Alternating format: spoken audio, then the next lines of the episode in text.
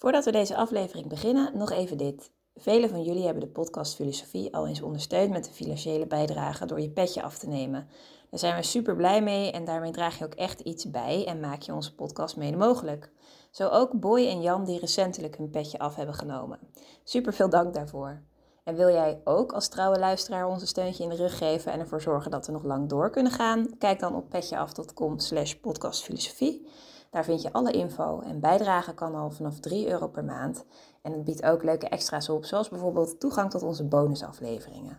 Maar voor nu, veel plezier met deze aflevering. Het collectieve onbewuste is de geweldige geestelijke erfenis van de ontwikkeling van de mensheid.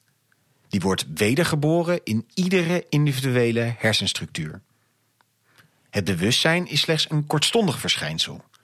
Het onbewuste daarentegen is de bron van alle stuwende psychische krachten. Zo drukte Carl Gustav Jung uit dat de filosofie zich niet alleen moet richten op het rationele en bewuste, maar ook ruimte moet maken voor het onbewuste. Hoe ziet Jung de relatie tussen het onbewuste en bewuste? Op welke manier kwam hij tot zijn verschillende persoonlijkheidstypes? En waarom kwam het op het concept libido tot een breuk tussen Jung en Sigmund Freud? Over deze vragen en nog veel meer gaan we de komende drie kwartier hebben. De gast is Rico Sneller, de denker die centraal staat, Jung.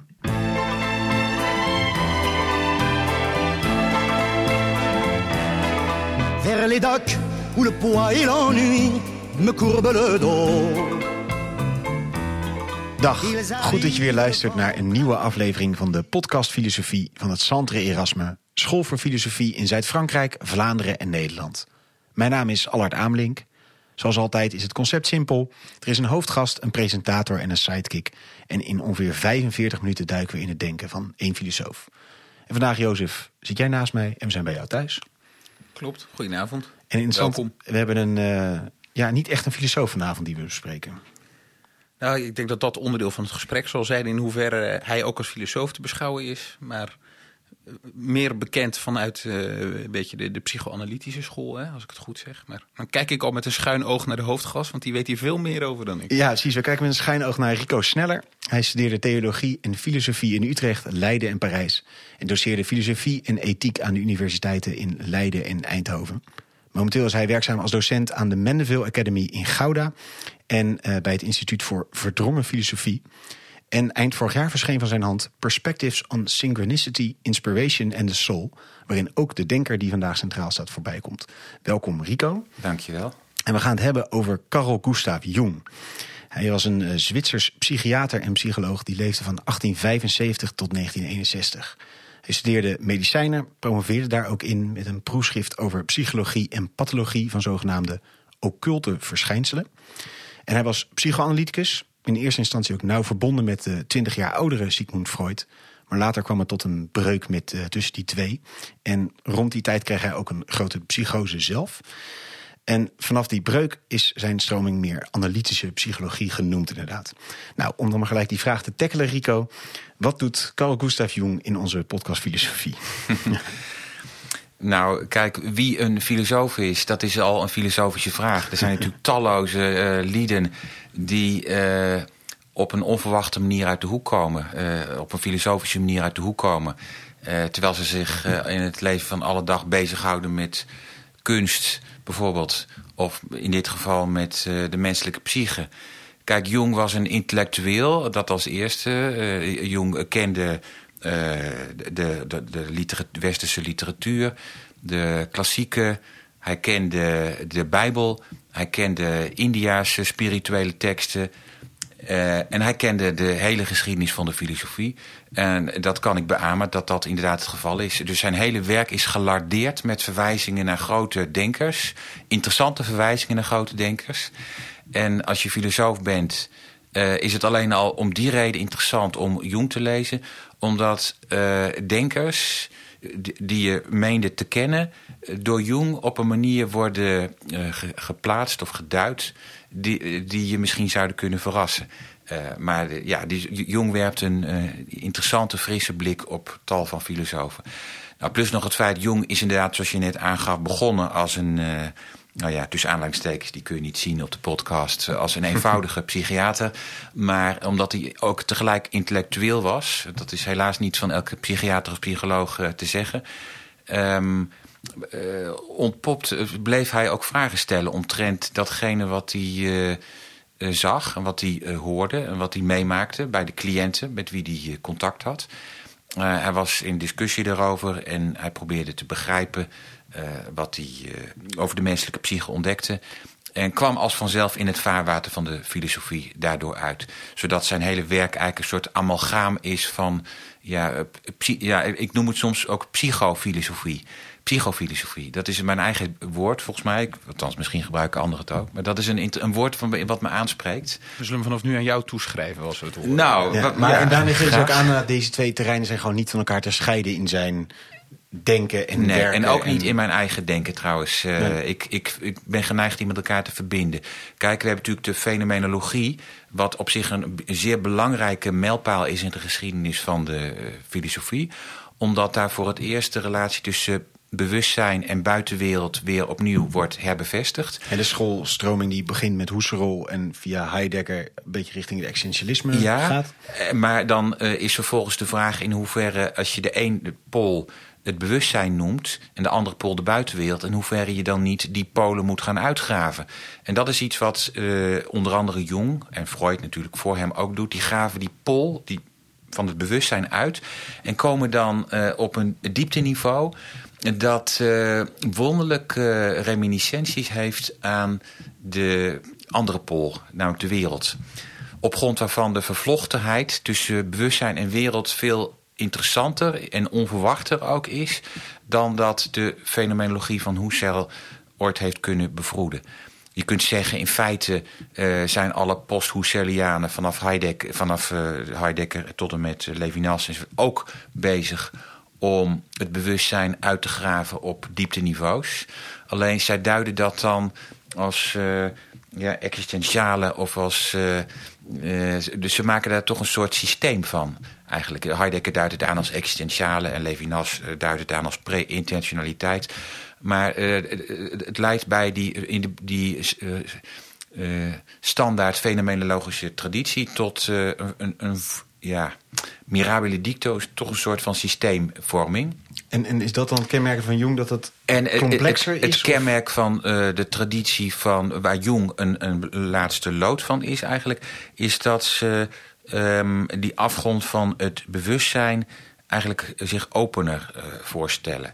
En uh, ja, minder ges, ja, geschikt om, ja, om, om te buigen tot een systeem. Nou, ik moet dit voorzichtig zijn hoor, want je kunt dit natuurlijk ook, je kunt ze ook weer tot, ook Jung en Freud tot een systeem herleiden. Dat gebeurt helaas maar al te vaak. Maar als ik daar één vervolgvraag over mag stellen, want ergens wil de fenomenologie juist natuurlijk ook die openheid van het bewustzijn thematiseren. Het feit Zo, dat laten we dat altijd... anders heel even rustig. Daar komen we denk ik later nog even nou, ja, Waarom dat anders is bij Jung, zeg maar. maar we gaan nou, misschien is het eerst interessant om überhaupt even te kijken, wat doet Jung nou? Want anders gaan we, voordat we dan ook nog het verschil met fenomenologie gaan uitzoeken. Dan, uh, want je zegt nou, hè, als je met, met Jung naar de filosofische traditie kijkt, dan zie je allemaal nieuwe dingen. Wat, wat, wat... Nou kijk, um, de, de, wie er een klein beetje van Jung af weet, die weet dat hij een, de belangrijkste leerling van Freud was. Maar daar houdt het dan vaak mee op. Wat veel mensen niet weten, is dat een veel belangrijkere eh, inspiratie voor Jung de 19e eeuwse filosofie is geweest. En dan denk ik vooral aan de filosofie in het spoor van Schopenhauer. Niet die van Hegel, maar van Schopenhauer. En dat is een stroming in de filosofie die me mateloos boeit... en die ten onrechte eigenlijk uit de kanon is weggeschreven... Uh, misschien moet je Schelling ook al noemen trouwens, maar vooral Schopenhauer. Schopenhauer die meende kans ding aan zich op het spoor te zijn in de wil. En de wil, daarvan had Schopenhauer gezegd, dat is een onbewust niveau... dat zich als een, uh, een diepteniveau ophoudt onder ons bewustzijn. Nou, en daarmee had Schopenhauer de deur opengezet voor, een, voor het eerste keer serieus nemen van de menselijke uh, onbewuste ja, drijfveren. En is dat dan onbewust in de zoals het ook in de dagelijkse omgang gebruiken, zeg maar onbewust, in de zin van of onderbewust? Wat, wat, hoe moet ik me dat vormen? Nou, de dagelijkse eh, gebruik van het woord onbewust is afgeleid van deze terminologie. En er zit misschien ook een stukje verbastering of popularisering in.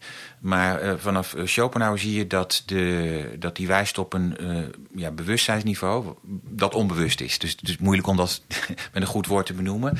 Eh, dat altijd eh, latent aanwezig is onder onze bewuste handelingen en uitspraken.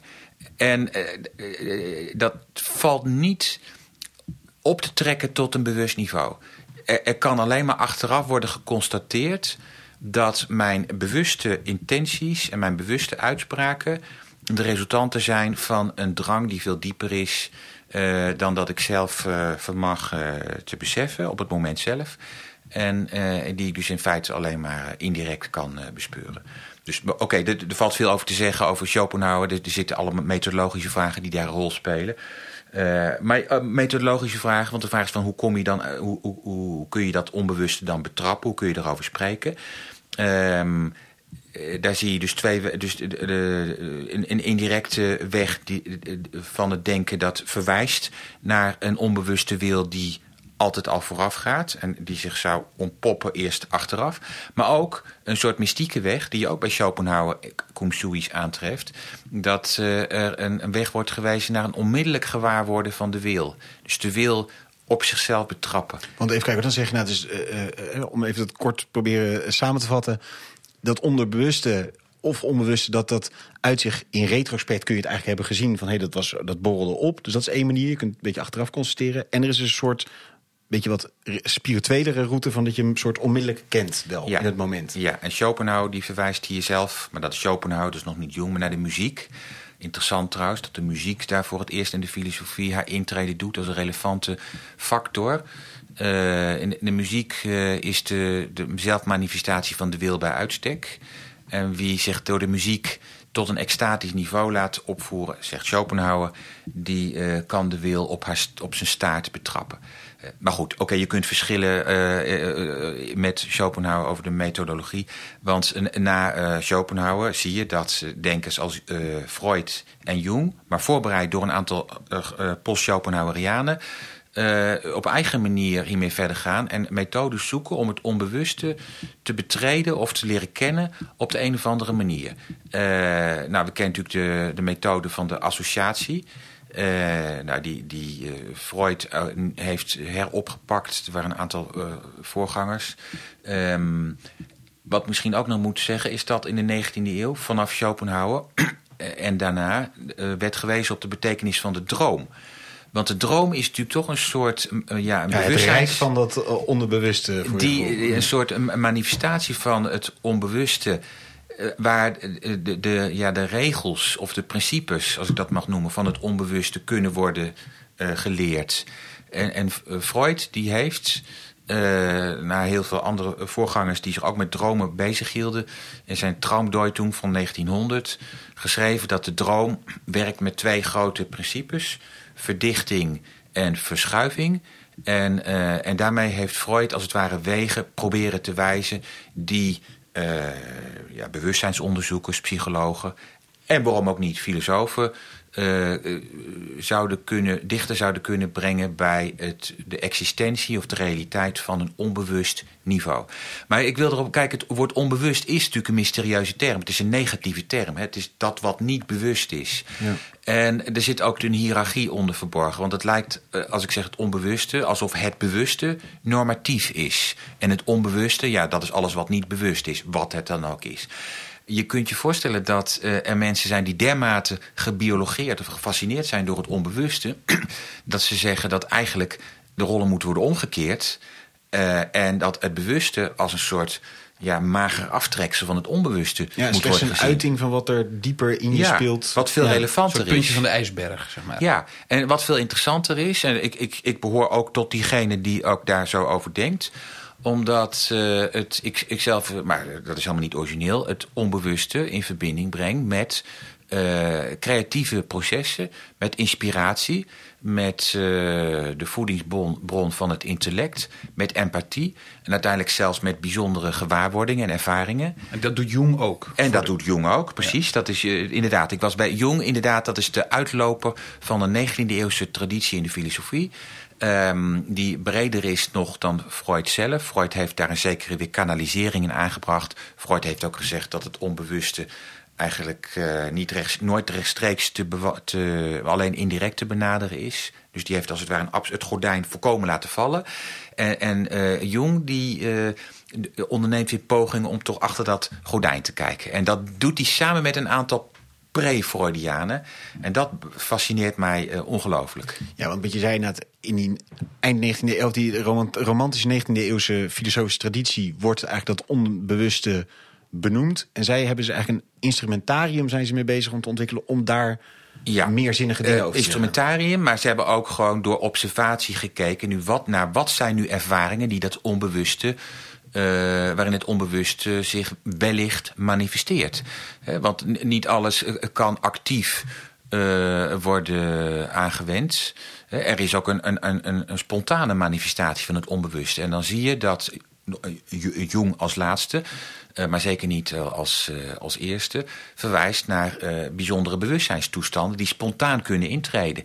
In de 19e eeuw werd veel het woord somnambulisme gebruikt. Tegenwoordig zouden we hier het woord hypnose gebruiken, maar dan niet hypnose als methode, maar hypnose als toestand, een hypnotische toestand. Ehm, er zijn ongelooflijk fascinerende gevallen van aan te wijzen voordat ik dat spoor verder volg, hypnose. Maar je kunt ook denken aan uh, trance-toestanden, aan stervensprocessen, aan mensen met een telepathisch bewustzijn, mensen die in een creatief denkproces betrokken zijn geraakt, mensen die lijden, mensen die psychotisch zijn. Dat zijn allemaal natuurlijk situaties waarin het de bewustzijnstrempel flinterdun is geworden, zo niet doorbroken wordt en de andere bewustzijnstoestanden binnenglippen. En ik denk dat we die, eh, als je bijvoorbeeld psychose noemt, dan noemen we dat natuurlijk snel ziekelijk, zeg maar. Of zo, hè? Dan, dan is er wat mis met je en dan moet je weer terugkeren naar de normale bewustzijns. Ja, maar, maar dus door, door dat, dat lijkt me dat, dat Jung dat dus niet doet. Nee, dus nou, de Jung doet dat. Uh, ja, kijk, Jung is ook een van die vele uh, ja, gezonde geesten die het begrip gezond en ziek herijkt. Want eh, de woorden ziekte en gezondheid zijn geen onschuldige, begrip, geen onschuldige begrippen. Je kunt je voorstellen, en daar hoef je eigenlijk alleen maar een beetje Franse filosofie voor gelezen te hebben, dat er allerlei normaliserende werkingen uitgaan van een, eigenlijk een heel armetierig standaard discours, waar maatschappelijke belangen mee gemoeid zijn. Foucault om, dan vooral. Precies. Uh, om bepaalde bewustzijnstoestanden als ziek te kenmerken. Neem nu, om het te actualiseren, de mensen die nu burn-out uh, zeggen te zijn burn-out is maar een term, modieuze term. Over honderd jaar heet het weer anders. een burn-out, als je burn-out bent, dan moet je direct naar een psycholoog of je moet rustig aandoen. Opdat je zo gauw mogelijk weer in het arbeidsproces kunt worden ingeschakeld. En omdat, en nu wijs ik met mijn vinger omhoog, dat kunnen de luisteraars niet zien. Opdat je vooral niet eh, eh, waagt iets kritisch te zeggen ten aanzien van de uh, omstandigheden van waaruit je burn-out bent geraakt. Die omstandigheden betreffen bijvoorbeeld, dat kan een werksituatie betreffen, kan ook een, een sociale situatie betreffen, kan een maatschappelijke situatie betreffen. Het zou heel goed zijn, en ik durf eraan toe te voegen, in mijn, voor mijn gevoel is dat meestal zo, dat je uit zieke of ziekmakende omstandigheden burn-out raakt. En dat eigenlijk die, wat we burn-out noemen een symptoom is voor een veel breder fenomeen. Dat, waar, waar belangen mee gemoeid zijn om dat fenomeen maar vooral uh, niet zelf aan de orde te, te stellen. Ja, en de, je kunt je voorstellen, het zijn dingen waar ik me erg over opwind. Want jullie zullen ook, ik zelf ook, je komt de lopende band mensen tegen die met psychische klachten te kampen hebben. En die soms met veel pijn en moeite weer terug worden geduwd in het proces waar ze uitkwamen. Uh, terwijl er ook mensen zijn, dat is interessant, uh, die juist een doorstart maken. En, uh, en vanaf dat moment pas gelukkig worden. En ook veel meer in contact met zichzelf komen. Wat ik dan interessant vind, is dat je juist die zoektocht naar dat onbewuste. Waar we nog wel wat meer over moeten gaan zeggen, denk ik trouwens straks. Maar dat die zoektocht naar het onbewuste suggereert juist dat je al denkt dat het, het heeft altijd met iets inwendigs te maken.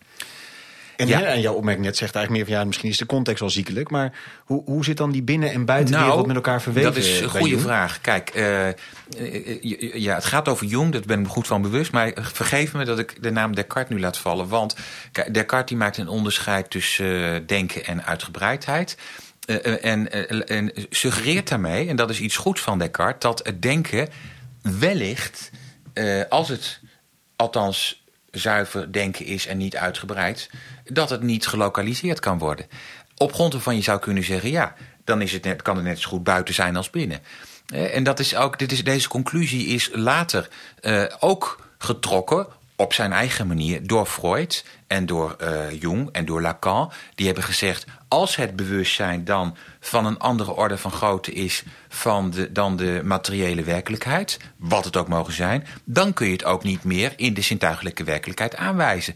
Eh, of liever gezegd, je kunt het misschien wel aanwijzen, eh, maar, maar net zo goed ja, buiten als binnen. Dus de woorden buiten en binnen, die vooronderstellen eigenlijk nog steeds een soort Cartesiaans dualisme, dat we voetstoots aannemen en, en ook zelfs al zeggen we dat te bestrijden. Dat is hyper interessant. Zo zul je dus bij Jung, wat daar zal ik me op toespitsen, zien dat hij wijst op eh, ervaringen die mensen eh, die in een, ja, met het hun eigen onbewuste geconfronteerd worden, dat die ervaringen kunnen hebben eh, waar de buitenwereld hen wijst op wat er van binnen met aan de hand is. Zodat je zou kunnen zeggen dat, de, en dit is een hele mooie formulering, maar heel provocerend voor anderen, dat de buitenwereld kan worden beleefd als een extensie van het eigen bewustzijn. Een extensie van het bewustzijn. Nou, dat is natuurlijk eh, v- ja, vloeken in de, in de dualistische kerk of, of, of, eh, of in de materialistische kerk. Want je zou zeggen, ja, het de buitenwereld, dat is toch de buitenwereld. Hè? En mijn bewustzijn, dat is eh, ja, wat het ook is. Maar dat, is, dat zit hier ergens in, in mijn hoofd. Eh, eh, nou, ik kan daar eh, eh, mooie voorbeelden van noemen. Maar ja, en waar ik benieuwd naar ben, waar ik nog wel een beetje naar zoek, is wat, wat is dat echt eigene wat Jung met dat bewustzijn doet? Want hij onderscheidt zich van Freud. Je had het net over een gordijntje dat daar wel hè, tussen het onderbewuste en het bewuste hing, waar Jung op een of andere manier van denkt dat je erachter kan komen, terwijl Freud dat niet dacht. Eh, nou, je hebt ook allerlei andere filosofen eh, genoemd waar hij zich toe verhoudt. Wat, wat is het echt eigene eh, wat Jung thematiseert van het bewustzijn? Ja, nou het eigene is dat hij het bewustzijn, het onbewust eigenlijk weer vrije speelruimte geeft. In vergelijking tot Freud. Eh, wel, eh, Freud is ook een soort nazaat van Schopenhauer. Freud die interpreteert de wil als de libido. En de libido interpreteert Freud als iets wat tot uitdrukking komt in de seksualiteit. En daarvan gaat Jung zeggen, en dat, is, dat gaat de breuk met Freud markeren, eh, dat is te beperkt. Eh, dus met alle respect voor Freud, maar dat is te beperkt. Eh, dus de, de, de, de libido, zegt eh, Jung, ook, want Jung, Jung neemt die term libido ook wel over, maar zegt de libido is eigenlijk een soort amorfe energie die zich vast kan zetten in de seksualiteit, maar ook daarnaast. Eigenlijk trekt die eh, libido, dus haalt hij uit de puur seksuele connotatie naar iets breders. Ja, kijk, de libido is natuurlijk een Latijns begrip dat met Freud een sterk seksuele connotatie heeft gekregen. En daarvan zegt Jung, die, die, ja, dat is eigenlijk een verenging van het wezen van de libido. Want het wezen van de libido is dat ze zich met de veelheid aan menselijke uitingsvormen kan verbinden, waaronder de seksualiteit, maar ook, uh, en daar komt hij, de creativiteit, kunst en religie. Al die verschijnselen waarvan Freud had gezegd dat dat een soort uh, sublimaties zijn van seksuele driften. En uh, daarmee is dus ook aan het eigen wezen van de religie en de kunst en de filosofie afbreuk gedaan. Ja, want die zijn uiteindelijk allemaal een soort uiting van een diepere seksuele ja, drift. Precies. Die kunnen is allemaal, alles is seks. Ja, precies. Ja, precies. Maar dan, uh, kijk, ik wil dit, deze podcast zeker niet kwaad, kwaad spreken van Freud, want dat is ook iemand die ik Hij zeer... zal het niet meer horen hoor. Dus nee, maar nou, ofwel. Kijk, oh ja, sorry, kader, dit is dus het bewustzijn. Ja, ja, ja. Zeker. Ik kan ik nog een mooi citaat van Derrida naast leggen. Zo. Maar nee, dus um, uh, kijk, Freud heb ik een ongelooflijk respect voor. En je moet uiteindelijk zeggen dat Freud met, met ja, zijn interpretatie van, interpretatie van de libido seksualiteit ook een soort mysterie op het menu heeft gezet. Want seksualiteit is voor Freud uiteindelijk ook iets mysterieus. Het is niet dat je zegt van ah, seks, nu weet ik wat het is. Helemaal niet. Dus bij Freud is seksualiteit ook iets raadselachtigs. Maar Jung heeft eh, die raadselachtigheid zo gemaximaliseerd dat hij zegt van noem het dan ook geen seksualiteit meer, maar noem het bijvoorbeeld religie. Of, of noem het uh, filosofie. Het is gewoon veel, veel koppiger dan alleen Ja, seksualiteit. Ja, en, en eh, Jung eh, wil ook recht doen aan de diversiteit aan uitingsvormen van de libido. Dus de, de- met Jung kun je zeg maar recht doen aan de religieuze ervaring als iets sui generis. Of aan de artistieke ervaring als sui generis. Eh, misschien moet ik ook nog, ik hoop niet, niet dat het verwarring sticht, maar Otto Rank, dat was een, een, schakel tussen beide in. Otto Rank was een, op zich een Freudiaan, maar ook persona non grata geworden. Otto Rank was iemand die eh, eh, de, zijn interesse verlegde van eh, de oedipale fase naar de pre-oedipale fase. En daarmee ook een aantal stappen zette die Jung heeft eh, doorgetrokken richting de diversificatie van de libido. En daarmee ook recht heeft gedaan aan alle kanten waar de libido heen kan. Eh, dus, maar goed, ik weet niet of dat een verhelderende uitspraak is. Hey, en eh, we, de- we, we, we dus bewegen er heerlijk eh, eh, nauw verweven, nauw verweven elkaar eh, doorheen. Ehm, we hadden het eerder even over eh, psychoses, maar ook over dromen, over creativiteit, dat dat dat onbewuste is. En het ging even toen over die niet, ja, ik zou even zeggen het eigen woorden, niet rationele eh, achtige ervaringen. Wel, wel- welke plek neemt dat in dan? Of, of wat, wat moeten we met die ervaringen? Ja, eigenlijk zegt eh, Jung, eh, er is niets is rationeel. Niets is rationeel. Ratione- rationaliteit is een poging om een, een vorm of een structuur op te leggen. Een e- een, eendimensionale structuur aan iets wat in wezen niet structuur heeft. Jung zegt ook, de meest wezenlijke ervaringen in het menselijk leven zijn niet rationeel. Denk aan, aan eh, geboorte, dood, lijden, ziekte, huwelijk, seksualiteit, kunst, religie. Allemaal dingen waarvan niemand zou durven ontkennen dat ze belangrijk zijn. Eh, en ze zijn niet rationeel. Eh, natuurlijk worden pogingen ondernomen om ze te rationaliseren. Maar ja, die, die pogingen die maken, die komen niet echt overtuigend over. Dus eh, Jung wil eigenlijk aandacht vragen voor dat hele gebied. En dat is nogal een gebied wat aan de rationaliteit vooraf gaat. En, en, en waarin wel degelijk patronen kunnen worden ontdekt. Want kijk, irrationaliteit, dat is ook maar een term die rationalisten gebruiken om uh, ja, diegenen die hun paradigma verwerpen. Uh, uh, in de ziektehoek ja, te, ja, te duwen. Op jij rationeel bent, mag je weer terugkomen. Ja, ja. precies. Maar eigenlijk is ir irrationaliteit is ook een soort negatieve, nikszeggende term. Ja. Dat, dat is eigenlijk alleen maar in vandaag de dag de, de, de niet-analytici, de niet-anglo-saxen. Maar dan blijft er nog heel veel over. Er blijft een groot deel van de mensheid over. Maar want hij promoveerde, zei ik aan het begin bij zijn biografie, op psychologie en pathologie van zogenaamde occulte verschijnselen. Ja. Wat, wat zijn dat dan? Moet ik dan letterlijk aan... Het, het, interessante feit doet zich voor dat Jung afkomstig is uit een uh, familie waar vooral aan zijn moeders kant paranormale begaafdheid uh, bestond. En uh, de, de, vormen van helderziendheid. Dat was een soort overerfelijke, ook aan vaderskant, maar vooral aan moederskant. En toen Jung nog studeerde, toen uh, deed hij met een aantal uh, vrienden sessies, spiritistische seances voerde hij op. En wel op zijn nicht, Helene Prijswerk. Door, want die had een bepaalde, ja, wat wordt genoemd, mediamieke begaafdheid. En in zijn proefschrift maakt Jong gewag van die sessies. Alleen hij vervangt de naam van die nicht door een andere naam. Um, en, en nou, dat, dat is een heel wonderlijke geschiedenis. De, de, de nicht uh, wordt later uh, toch uh, boos op Jung, omdat ze onmaskerd wordt, als wie, wie zij zei. Ze is uiteindelijk als couturière in Parijs geëindigd. Een couturière? couturière, naais, naaister of zoiets, of een modeontwerpster of zoiets. Helene Prijswerk. Maar goed, dat was dus een, een nicht die van moederszijde die ja, mediamieke gaven bezat. Dat wil zeggen, goed ja, bruikbaar om ja, geesten, of over, geesten van overledenen doorheen op te roepen. En uh, nou, van, van die uh, ja, experimenten die Jung met haar heeft gedaan, uh, heeft hij gewacht gemaakt in zijn proefschrift.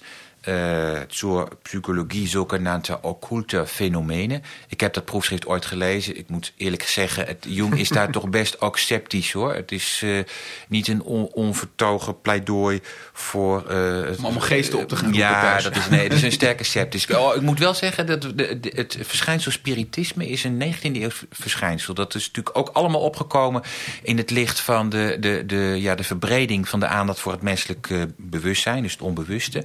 En in de 19e eeuw uh, komt dan ook spiritisme en seances op. En ik wil ook de naam van mijn andere grote held Carl Duprel hier noemen. Ook een filosoof, die eindigde als spiritist. Nou, dat is een ingewikkelde uh, uh, ontwikkeling... waar ook een aantal Russische denkers nog een belangrijke rol spelen. In die traditie staat Jung.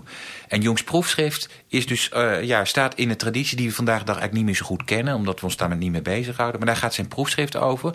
En ik moet zeggen dat later Jung eigenlijk toch wel willender is nog geworden... dan in de fase van zijn proefschrift. En dat is allemaal een beetje vanuit de gedachte van... ja, dat bewustzijn is gewoon groter dan ja. het louter rationele... Ja. En dus moet er ruimte zijn voor zo'n soort ideeën. Precies. En, en, het feit dat Jung zelf geconfronteerd werd met zoveel mensen uit zijn praktijk. Uh, die ja, inderdaad als ziek te boek stonden en soms opgenomen waren. Maar toch met zeer wonderbaarlijke uitingen kwamen die je gewoon niet snapt. Ik, uh, en, en daar zit natuurlijk gradatie in. Ik zal één voorbeeld noemen. En of, ja, of je dat nu paranormaal moet noemen of anders, dat weet ik. Jung gaat het anders interpreteren. Er was een keer een man die, werd, die leek waarschijnlijk normaal, was wel opgenomen. En die, die zei van jong, meneer, of dokter, continu is wat ik nu vannacht heb eh, gedroomd. Ik droomde dat, uh, dat de zon aan de hemel stond en er ging een wind, kwam van de zon uit. En die wind die kwam tot stand doordat de vallers van de zon heen en weer zich beweegden. Nou, Jung haalde, dacht van nou, dat is een uh, aparte droom. Interessant. Uh, totdat Jung uh, een maand of misschien iets een jaar later een boek las dat net verschenen was. De vertaling van een van de vele teksten die zijn opgegraven bij Nag Hammadi. Misschien eens van gehoord. Dat Nag Hammadi is een plaats in Egypte waar gnostische teksten zijn opgegraven. Ergens begin 20e eeuw. waaronder dus ja, gnostische teksten uit de oudheid van 2000 jaar oud of nog ouder. En daar vond hij een passage in die exact correspondeerde met het verhaal wat die uh, ja, psychisch zieke man hem had verteld. Nou, Jung heeft uitgezocht, die man kon die passage niet kennen. Onmogelijk, want hij was immers net ja, opgenomen. Op, opgegraven. Ja. Oh, en net opgegraven, ja. ja oké. Okay. Ja. Nou, latere mensen hebben uitgezocht dat, het een tweede, dat Jung een tweede druk in handen heeft gehad... en dat er een eerste druk was. Oké, okay, of die man, die zieke man wel of niet die passage heeft gelezen. Het blijft, het blijft een wonderlijk voorval. En, en Jung komt daarop tot de gedachte... Uh, en daarmee ondervangt hij, of ja, vangt hij ook, ook het verschijnsel ja, paranormale ervaring een beetje. Hij zegt eigenlijk dat um, onder het onbewuste dat wij hebben zit nog een diepere laag. Dus hij, de, het diep onder, onderbewuste. Ja, en, en, alleen dat zegt hij, dat is een laag die is niet meer individueel, niet meer persoonlijk, maar die is onpersoonlijk, die is collectief. Dus Jung heeft het begrip een collectief onbewuste geïntroduceerd. En dat is dus een laag die niet meer individueel is, waar ervaringen liggen opgeslagen van de mensheid in de loop van de evolutie. Nou, een soort eh, collectieve geestessamenhang. Collectieve inhouden die uh, het gevolg zijn, het residu zijn of de sedimentatie van uh, ja, in de loop van de langdurige millennia durende mensheidsgeschiedenis. En, en in bepaalde omstandigheden waarin het menselijk bewustzijn labiel is kunnen die uh, collectieve inhouden. Uh, en Jung gaat spreken over archetypen. Dat zijn de modificaties van het collectieve onbewuste. De, de, in, de, ja, de feitelijke inhouden ervan. Kunnen die zich gaan manifesteren. In uh, het ervaringsleven van mensen. Dat kan dus zowel dus weer binnen als buiten zijn. Binnen in de vorm van dromen. En buiten in de vorm van ervaringen die mensen opdoen. Dingen, dingen die ze zien of tegenkomen. En dat is dus voor onze, onze ja, dualist of voor ons rationalist iets bizars. Want je zegt, ja, wat er in de buitenwereld gebeurt... ja, dat is toch puur toevallig. Daar heeft niemand de hand in. Nou ja, Jong die komt op een spoor dat hem die buitenwereld doet herinterpreteren als, zich, uh, ma, uh, ja, als, als, als, als iets wat kan rijmen op een innerlijk psychisch proces dat een mens kan meemaken. en ja, dat is een zeer fascinerende gedachte die me bijzonder boeit. Nu beschrijf je hierin een, een beweging van het bewustzijn, hè, mogelijk weg van het individuele naar een soort collectieve bewustzijnspool. Tegelijkertijd is volgens mij een belangrijke term van hem juist wel de individuatie. Wat, wat, wat bedoelt hij daar precies mee? Ja, de individuatieproces gaat ervan uit dat elk mens um, al uh, uh, een ik uh, is of wordt. Vandaag gebruiken we vaak het woord ego. En dat heeft dan precies de negatieve bijklank die Jonger ook aan mij wil geven. En tegelijkertijd zegt hij, is er is een van de collectieve inhouden van het individuele bewustzijn. De, de notie, ik geloof dat hij, dat hij het zelfs een archetype noemt, van het zelf. Het zelf, het zelf. Dat, klinkt apart. Wat is dat, wat is dat dan? Het, zelf, dat is een, een, een, een, ja, een niveau waarop de enkeling uh, door het leven heen leert om uh, verdrongen aspecten uh, van, de, van, het eigen, van de eigen persoonlijkheid langzamerhand onder ogen te zien en uh, geleidelijk aan een plaats te gaan geven in, in, in, het eigen, in het eigen ik. Dus eigenlijk de poorten van het ik open te stellen voor verdrongen aspecten die tot dusverre eigenlijk buiten de deur zijn gehouden. Dat veronderstelt dus dat ikwording bestaat in een onderdrukkingsproces. Nou, dat is best goed voor te stellen als je je voorstelt dat je opgroeit met van, uh, ja, van kind tot volwassene. Je slaat wegen in en je sluit wegen af. Je kunt niet alles. Je wordt techneut of je wordt, weet ik, je wordt uh, psycholoog of wat dan ook. Je kunt niet alles tegelijk. Je moet bepaalde uh, potenties van jezelf afsluiten. Maar die gaan zich op een gegeven moment ophopen. En die kunnen op een gegeven moment, naarmate je leven vordert... en je eigenlijk toch in een eenzijdige weg terecht bent gekomen... noodzakelijkerwijs, kunnen die je gaan opspelen. En dat gebeurt met name in crisissituaties. Jung gaat ervan uit dat ja, eigenlijk iedereen in haar of zijn leven... met crisissituaties te maken krijgt. En die crisissituaties zijn eigenlijk uh, ja, geboden kansen... die je in staat stellen om uh, ja, dus, ja, terzijde uh, gelegde mogelijkheden weer onder ogen te gaan zien. Onderdrukte potenties opnieuw En om onderdrukte potenties weg te geven, ja. En, en dat, dat, dat, dat is eigenlijk een individuatieproces. Het is een groeiproces. Nu kan dat proces, en dat bij veel mensen gaat dat geleidelijk aan... maar het kan ook heel snel gaan. Dat is interessant. Jong die uh, heeft dus het vermoeden. Kijk, Jong is geen dogmaticus. Dat moet... Sorry, maar mag ik nog één stapje terugpakken? Ja. Want dat, is dat dan, zitten die potenties in dat onderbewuste? Of zit dat dan in dat onder onderbewuste? Of is dat iets buiten je? Waar, waar... Die potenties, dat zijn als het ware niet gerealiseerde mogelijkheden. Die uh, als zodanig algemeen menselijk zijn. Maar die in mijn individuele levensloop uh, genegeerd zijn geraakt geworden. Omdat ik nu eenmaal niet uh, uh, alles kan realiseren. bijvoorbeeld als je u studeert, zeker als je filosofie studeert... Is, vandaar dat dit voor filosofen ook van belang is... is de kans groot dat je je sterk identificeert met, ja, met een intellect. En daarmee uh, een groot aantal mogelijkheden die dus liggen op het gebied van het gevoel of de intuïtie of de waarneming laat liggen. Ik kan je talloze voorbeelden noemen uh, en, en, dat kunnen de luisteraars ongetwijfeld ook. Uh, even een interessant voorbeeld om het even grappig te maken. Heel lang geleden, toen dat ik studeerde ik, toen zat ik met tentamens te maken voor theologie en toen las ik een boek. Dat heette Christelijke Seksuele Ethiek van een theoloog christelijke seksualiteit. En toen kwam er een collega van mij uh, bij me. Uh, en die, die uh, latere collega, toen was hij nog een docent. En die keek over mijn schouder. Die zei van, nou, wie is dat? En dat was dus van een, een ja, gepensioneerde theoloog. En toen zei die, tegen, die collega tegen mij... al die protestante theologen die gaan allemaal over seks schrijven als ze met pensioen zijn. Nou, dat was een heel interessante uitspraak. Want dat is een, er zat een diepe waarheid achter. Dat is een, een proces wat je ziet dat, uh, dat men gedurende een bepaalde werkzame fase... Worden die potenties in, afgesloten afges, op een ja, manier? Ja. En, en, en, en, dat men na het pensioen zich bezig ga, gaat houden met uh, ja, dus verdrongen thema's. En dan vervolgens ook in eerste instantie ook nog op een, een tamelijk armzalige manier. Want uh, de remmen gaan nog niet gelijk los. Je dus, ziet trouwens dus, ook... dus 40 jaar over de brieven van Paulus spreken... en dan Precies. opeens over de seksualiteit Precies. Maar, over de doorn in het vlees. ja, er zijn ook talloze filosofen die naarmate ze met pensioen gaan... in één keer over mystiek of over poëzie gaan schrijven. Om maar eens wat te noemen. Ja. Ik zelf denk dan van lafaard was daar verdorie eerder mee begonnen. Dat is iets waar ik me erg boos over maak. Dat als men uh, meent niet meer de druk van het systeem te voelen... dat men zich uh, ja. vrij acht om, Maar uh, dat leidt tot een, tot een ongeloofwaardige vorm van doorslaan in het tegendeel. Jong die, die oppert eigenlijk van het, het, de, mogelijkheid om geleidelijk aan uh, inhouden te laat, toe te laten, uh, bewustzijnsmogelijkheden of, of ja, capaciteiten die uh, verwaarloosd zijn, om die geleidelijk aan toe te laten en, en te integreren. Ja, en dat is het individuatieproces. Als dat snel gaat, dat wil ik straks zeggen, dat kan. Soms gaat het te snel.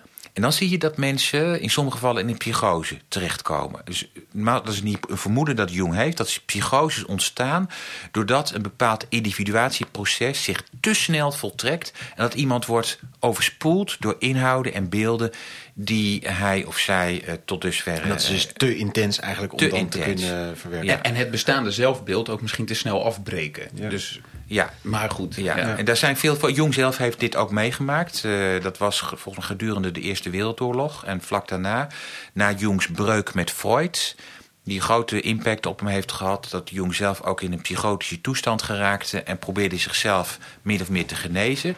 In de mate van het mogelijke. En dat deed hij door allereerst een dagboek bij te houden. Waarin hij eh, zijn dromen en zijn wanen beschreef. Waarin hij eh, citaten van auteurs eh, aanhaalde. Van gnostici. Waarin hij tekeningen maakte. Waarin hij ook begon aan het bouwen van een toren. Nou, in, de in Bollingen. En die staat er nog steeds. Dus met andere woorden, Die... Ja, die had ook eh, zo'n explosie van... van die borden zijn ja. creatieve mogelijkheden aan. En interessant is dat Jungiaanse therapie, eh, dus vandaag de dag een van de therapievormen die je hebt, die borduurt daarop voort. Want een van de dingen die je kunt bereiken met iemand die vast is gelopen, vaak in een intellect, is eh, iemands creatieve potenties aan laten boren. En je zult zien hoe, dat, ja, hoe bijzonder dat kan zijn. Ehm, we moeten langzaam richting een afronding gaan. Maar ik was nog even benieuwd. Je zei eerder heel aardig van... joh, we moeten niet te, veel rationaliseren... en dat zou het precies juist in de verkeerde hoekjes duwen. Eh, Jung is denk ik bij een breder publiek ook wel bekend van zijn persoonlijkheidstypes... die dan lekker de, alle mensen op kan delen in, eh, weet ik veel, 16 hokjes... van hoe je precies in elkaar zit. Hoe, hoe, eh, waar, komen die persoonlijkheidstypes vandaan... en hoe verhoudt zich dat tot dit ja, alles? Kijk, het woord hokje is, is niet een Jungiaanse term. Kijk, Ju- Jung is natuurlijk net als Freud een denker in ontwikkeling. Hè? Jung die onderscheidt een viertal eh, ja, faculteiten, zeg maar, viertal vermogens... eh, die bij een mens, die, waar een mens over kan beschikken. Het intellect, het gevoel, de perceptie of de waarneming en de intuïtie. En die kunnen verschillende verhoudingen ten opzichte van elkaar aangaan. En vaak zie je dat een van die potentie, die faculteiten voorop staat. En dat anderen daar het nakijken bij hebben. Nou, dat, dat is geen kwestie van moraal, ge- geen verwijt. Ik bedoel, dat, is gewoon zo. Ehm, daar komt nog een ander aspect bovenop. eh, eh, dus boven die potenties. Dat sommige mensen hebben een extraverte oriëntatie en anderen een introverte oriëntatie. Dus eh, extravert betekent dat je je innerlijke vermogens eh, in de buitenwereld vooral beleeft. En de introverte dat je die in de binnenwereld beleeft. Nou, en, dus vier plus eh, onderlinge mogelijkheden met een tweetal eh, determinanten die leiden tot alle mogelijke soorten karakterverhoudingen. En eh, wat Jung zegt is dat het individuatieproces waar we het straks over hadden zich vaak eh, aankondigt doordat een ander, eh, een verdrongen eh, vermogen zich in het leven van een mens gaat aandienen. Eh, nou, ik, ik kan niet, het behul- meest behulpzaam als ik met clichés eh, eh, begin. In de werkelijkheid is het altijd complexer natuurlijk. Maar iemand die eh, langdurig in zijn of haar intellect heeft geopereerd, dat die plotseling eh, gevoelsexplosies kan krijgen. En, en voor de buitenwereld ook vaak onverwacht. En, en zo dat, dat, ze, dat de buitenwereld ook niet altijd raad mee weet. Eh, en ook vaak op een manier die, die echte gevoelsmensen zullen beleven als eh, overdreven of overtrokken. Eh, Jung zegt dat is een onvolwaardige eh, manier van gevoelsuiting. Omgekeerd, en dat is een beetje onhandig, zeg eh, maar, Onhandig, ja. ja. Omgekeerd, en dit is een, een, ja, dat is een grapje, dat maak ik vaak om feministische vrouwen op stang te jagen. Maar Jong sprak natuurlijk honderd jaar geleden. Die zei dan bijvoorbeeld: bij vrouwen zie je vaak als die dan overwegend dan in hun gevoel zitten. En dat ze dan eh, op een gegeven moment in een gesprek met mannen dan ook eens intellectueel willen zijn. Maar dat uitzicht dan in de vorm van eh kreten, zeg maar. Me- meningen. meningen die ze er dan inslingeren. In onze tijdgeest zou deze opmerking eh, het, het niet per se goed doen in alle Zeker. eh, sociale... Goed. Dat, is precies, dat is precies de reden waarom ik die uitspraak ja, ja, doe. goed, ja, geen systeemdwang. Ja, het is goed, je kunt erom glimlachen. Ik vind het ook. Kijk, het is wel herkenbaar natuurlijk. Je kunt zeggen wat je wilt, maar het is herkenbaar. En dat- dat, dat een Jung noemt dat, dat een onvolwaardig vermogen zich op een onvolwaardige manier gaat manifesteren. Maar eh, die moet dus de kans krijgen om ook op eigen manier uit te groeien. En eh, als je dus bij mensen, andere mensen dat ziet, dan is het zaak om, denk ik, vanuit een emp- empathie begrip te hebben dat bij iemand zo'n proces begonnen is. En zeker niet met de morele overwegingen die andere personen eh, voor de voeten lopen, denk ik. Maar het ergste is als iemand dat individuatieproces blijft onderdrukken. De- Jung zegt dat worden de afschuwelijkste mensen. De- de- eh, Denk aan een, voelen Tru- allemaal nieuwe denk aan een. Trump. Een Trump, dat is iemand die is de hele, zijn hele eh, carrière, en zijn hele leven in de weer met zichzelf. En het probleem is dat de hele wereld die maakt eigenlijk deelgenoot van zijn eigen innerlijke strijd. Ja, en dat is echt heel, dat is dramatisch. Dat is dramatisch. Ik, ik, ik heb nog één vraag om ook weer even, even terug te keren naar de filosofie. Eh, je hebt ook gezegd, hij verhoudt zich eigenlijk tot de, de hele filosofische traditie. Hè? Een Hegel, een Kant, een Schopenhauer. Hij, hij, hij absorbeert ze of verhoudt zich ertoe. Maar je zei ook, hij werpt er een nieuw licht op. Ja, Ehm, kan je daar nog e- even iets meer over zeggen? Wat doet hij met die. Wat, wat zegt hij daarover? wat Ja, werpt zeker. een- hoe, Nou, hoe ziet dat licht eruit? Dat hangt er dus ook per filosoof hangt het, begint ermee dat zeg maar de inspiratie, de, de, de grondgedachte van een filosoof, die, dat zullen de, heel veel anderen ook toegeven, die is niet rationeel. Dat, is, dat zegt Heidegger, dat is een, in, een lumineus inzicht van waaruit zo'n filosofie zich opbouwt. Eh, ik, ik, ik associeer wat Kant bijvoorbeeld met zijn transcendentale eh, eh, structuur van het bewustzijn. Je zou kunnen zeggen dat is eigenlijk een poging om eh, het onbewuste in kaart te brengen. Dat zegt Jung erover. Dat, eh, dat zou je kunnen zeggen. En eh, het interessante is dat een, een tussenfilosoof, dus Karl Duprel, dat is een 19e eeuwse denker, die spreekt, dat is dus een, een filosoof van het onbewuste, maar die noemt dat onbewuste ook het transcendentale bewustzijn. Maar dat bedoelt hij zeker niet in Kantiaanse zin. Dus dat transcendentale bewustzijn van Kant, waar, waar filosofen gewend aan zijn gereikt om die term te gebruiken, is eigenlijk een soort kunstmatige stabilisering van een, een veel groter eh, dynamisch potentieel dat het onbewuste eh, vormt. Dus Jung ziet eigenlijk heel veel eerdere filosofische pogingen om toch op een of andere Onbewuste manier... dat pogingen om dat Exact, onbewuste te- Onbewuste te- pogingen. Eh, ik kan ook verwijzen naar de Plato's ideeënleer. Pla Jung zegt eigenlijk de ideeën van Plato, een ontzettend interessante gedachte, zijn eigenlijk, dat zijn eigenlijk de archetypen. Dus arch- de, de Platoonse ideeën zijn archetypen. Dat, zijn, eh, dat is een, een sedimentatie van collectieve ervaringen van de waarvan dus een werking uitgaat. En eh, ja, dit is ook zo'n belangrijke gedachte. Alle grote filosofen die, die, die weten zich niet goed raad met Plato als ze Plato uitleggen. Wat zijn dat voor rare dingen, die ideeën? Zijn het concepten? Nee, ze werken. Dat, en je, dus je kunt met Jung in, de, eh, op de, op, eh, in je achterhoofd... kun je Plato gaan herlezen en kun je constateren... dat die ideeën eh, analoog opereren aan de Jungiaanse archetypen. En, en dat opent weer een nieuw perspectief op Plato, denk ik. Het verrijkt de, lectuur van Plato. Ik denk een beetje, eh, misschien een rare laatste vraag, maar eh, ik, ehm, ik kan me voorstellen, als we echt over die seances eind 19e eeuw praten, dat voor sommige mensen die heel erg in het rationele discours zitten, dat nogal wat bruggen eh, ver is, zeg maar.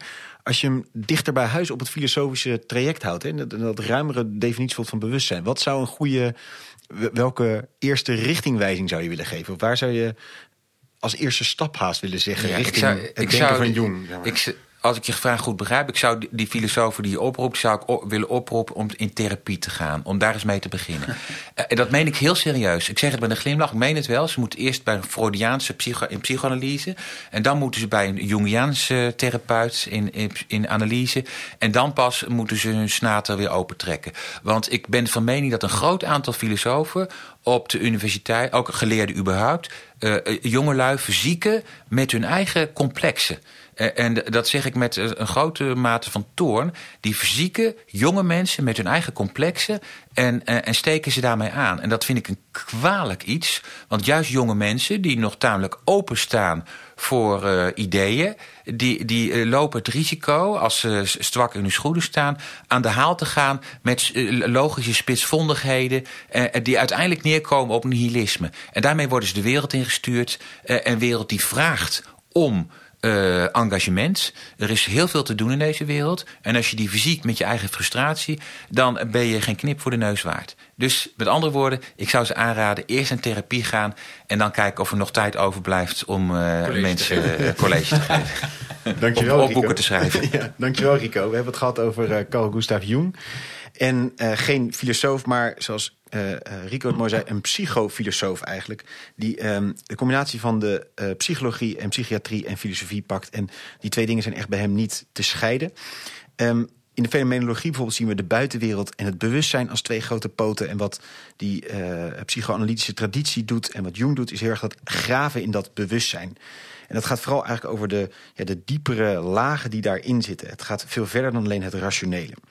De wortels daarvoor liggen in de 19e eeuwse filosofie. Schopenhauer, Schelling uh, vielen, um, die al uh, benoemen dat er bijvoorbeeld de wil, zegt Schopenhauer, in het onbewuste wortelt.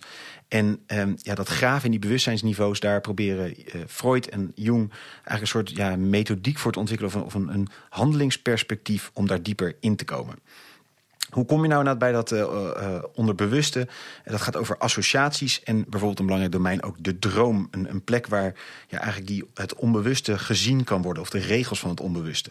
En um, je ziet het op andere plekken terug. Het is bijvoorbeeld gelinkt aan empathie of aan, aan, creativiteit, aan muziek. Muziek als manifestatie van het onbewuste, zegt Schopenhauer ook. En daarom krijgt Jung een grote interesse voor ja, andersoortige ervaringen... ook dan alleen later rationele processen... over um, hypnose als een, als een toestand trance, uh, telepathisch bewustzijn... Um, maar ook psychose, waarvan wij natuurlijk heel vaak worden gezegd... nou, dat ben je ziek. Nee, dat gaat eigenlijk over grotere vormen van bewustzijn. Waar bevindt zich dat bewustzijn nou? Is dat alleen maar in ons hoofd? Uh, nee, ja, omdat we zeggen er is meer dan het bewustzijn, ja, wordt het plotseling ook vrij ongelimiteerd en kan het op allerlei plekken zich bevinden. Dus daarmee komt er echt een heel onbekend domein uit wat is dan uh, echt het onderscheidende van Jung ten opzichte van bijvoorbeeld Freud? Uh, Jung die geeft echt het onbewuste een, een, een vrije ruimte. Die zegt we kunnen daar veel over zeggen. We moeten daarin door blijven zoeken. En een centrale term die Freud en Jung gebruiken is het libido. En um, waar dat richting Freud eigenlijk altijd wel richting dat seksuele gaat, zegt Jung echt dat heeft een, veelkoppig karakter. Dat gaat ook over het religieuze, over de kunst, over seks. Het gaat over empathie, het gaat over een hele hoop verschillende dingen. En die libido is echt een drijvende kracht die we in ons hebben. Rationaliteit is dan een poging eigenlijk om daar structuur aan te geven. Maar eigenlijk moet je zeggen, al het wezenlijke, ook in je eigen leven, is niet rationeel. Geboorte, dood, liefde, uh, grote ervaringen die je hebt, die zijn allemaal eigenlijk niet rationeel. En dus moeten we al die andere vormen van bewustzijn zeker naar kijken. Dan wordt het nog een stapje interessanter, want dan is er ook nog een soort collectief onderbewuste. Dat ligt eigenlijk nog weer onder dat bewustzijn. En dat is haast een soort ja, sediment van collectieve ervaringen die er is geweest. Um, en uh, ook dat kan zich dan weer gaan manifesteren op een dus veel collectievere manier nog. Dus daarmee wordt eigenlijk dat spectrum van het onbewuste nog veel verder opgerekt. Terug naar het individu zien we dan het individuatieproces. En dat gaat eigenlijk over het, de mens die ontdekt dat hij inderdaad in structuren gezet of in keuzes die hij gemaakt heeft, delen van het zelf afgesloten heeft, eigenlijk deuren heeft dichtgetrokken. En um, in crisis kunnen plotseling zulke soort deuren openknallen. Uh, bij sommige mensen gaat het wat uh, subtieler. maar eigenlijk gaat het dan over dat je dus weer nieuwe kanten van die aan jezelf kunnen zitten gaat ontdekken. En gaat dat te snel, ja, dan kom je misschien wel weer in die psychose terecht waarin het plotseling te hard op jezelf inklapt. Kijken we naar dit alles en kijken we ook in dat licht naar de hele filosofiegeschiedenis, dan zien we dus eigenlijk dat er heel veel meer pogingen zijn geweest om dat onbewuste te duiden. Maar is het vooral belangrijk om te realiseren dat dat onbewuste er is. En dat het veel, dus de werkelijkheid veel groter is dan wat voor ons rationeel bevatbaar en opgeruimd te maken is. Dat is de grote toevoeging van Jung nou, op de psychologie en psychiatrie, maar dus ook zeker in het hele uh, filosofische zoektocht. Uh, hartelijk dank Rico voor je uh, inspirerende verhaal. Dank Jozef. Maar vooral natuurlijk ook jij heel hartelijk dank voor het luisteren. Dank dat je ook weer met ons deze zoektocht van deze aflevering wilde aangaan. En uh, hopelijk heeft u dus wat geboden. geniet je van onze podcast? Laat het ons vooral weten. Dat vinden we altijd fijn. En laat een recensie achter als je dat kan in je podcast app. En graag tot een volgende aflevering. Emmenez-moi au bout de la terre, emmenez-moi au pays me semble que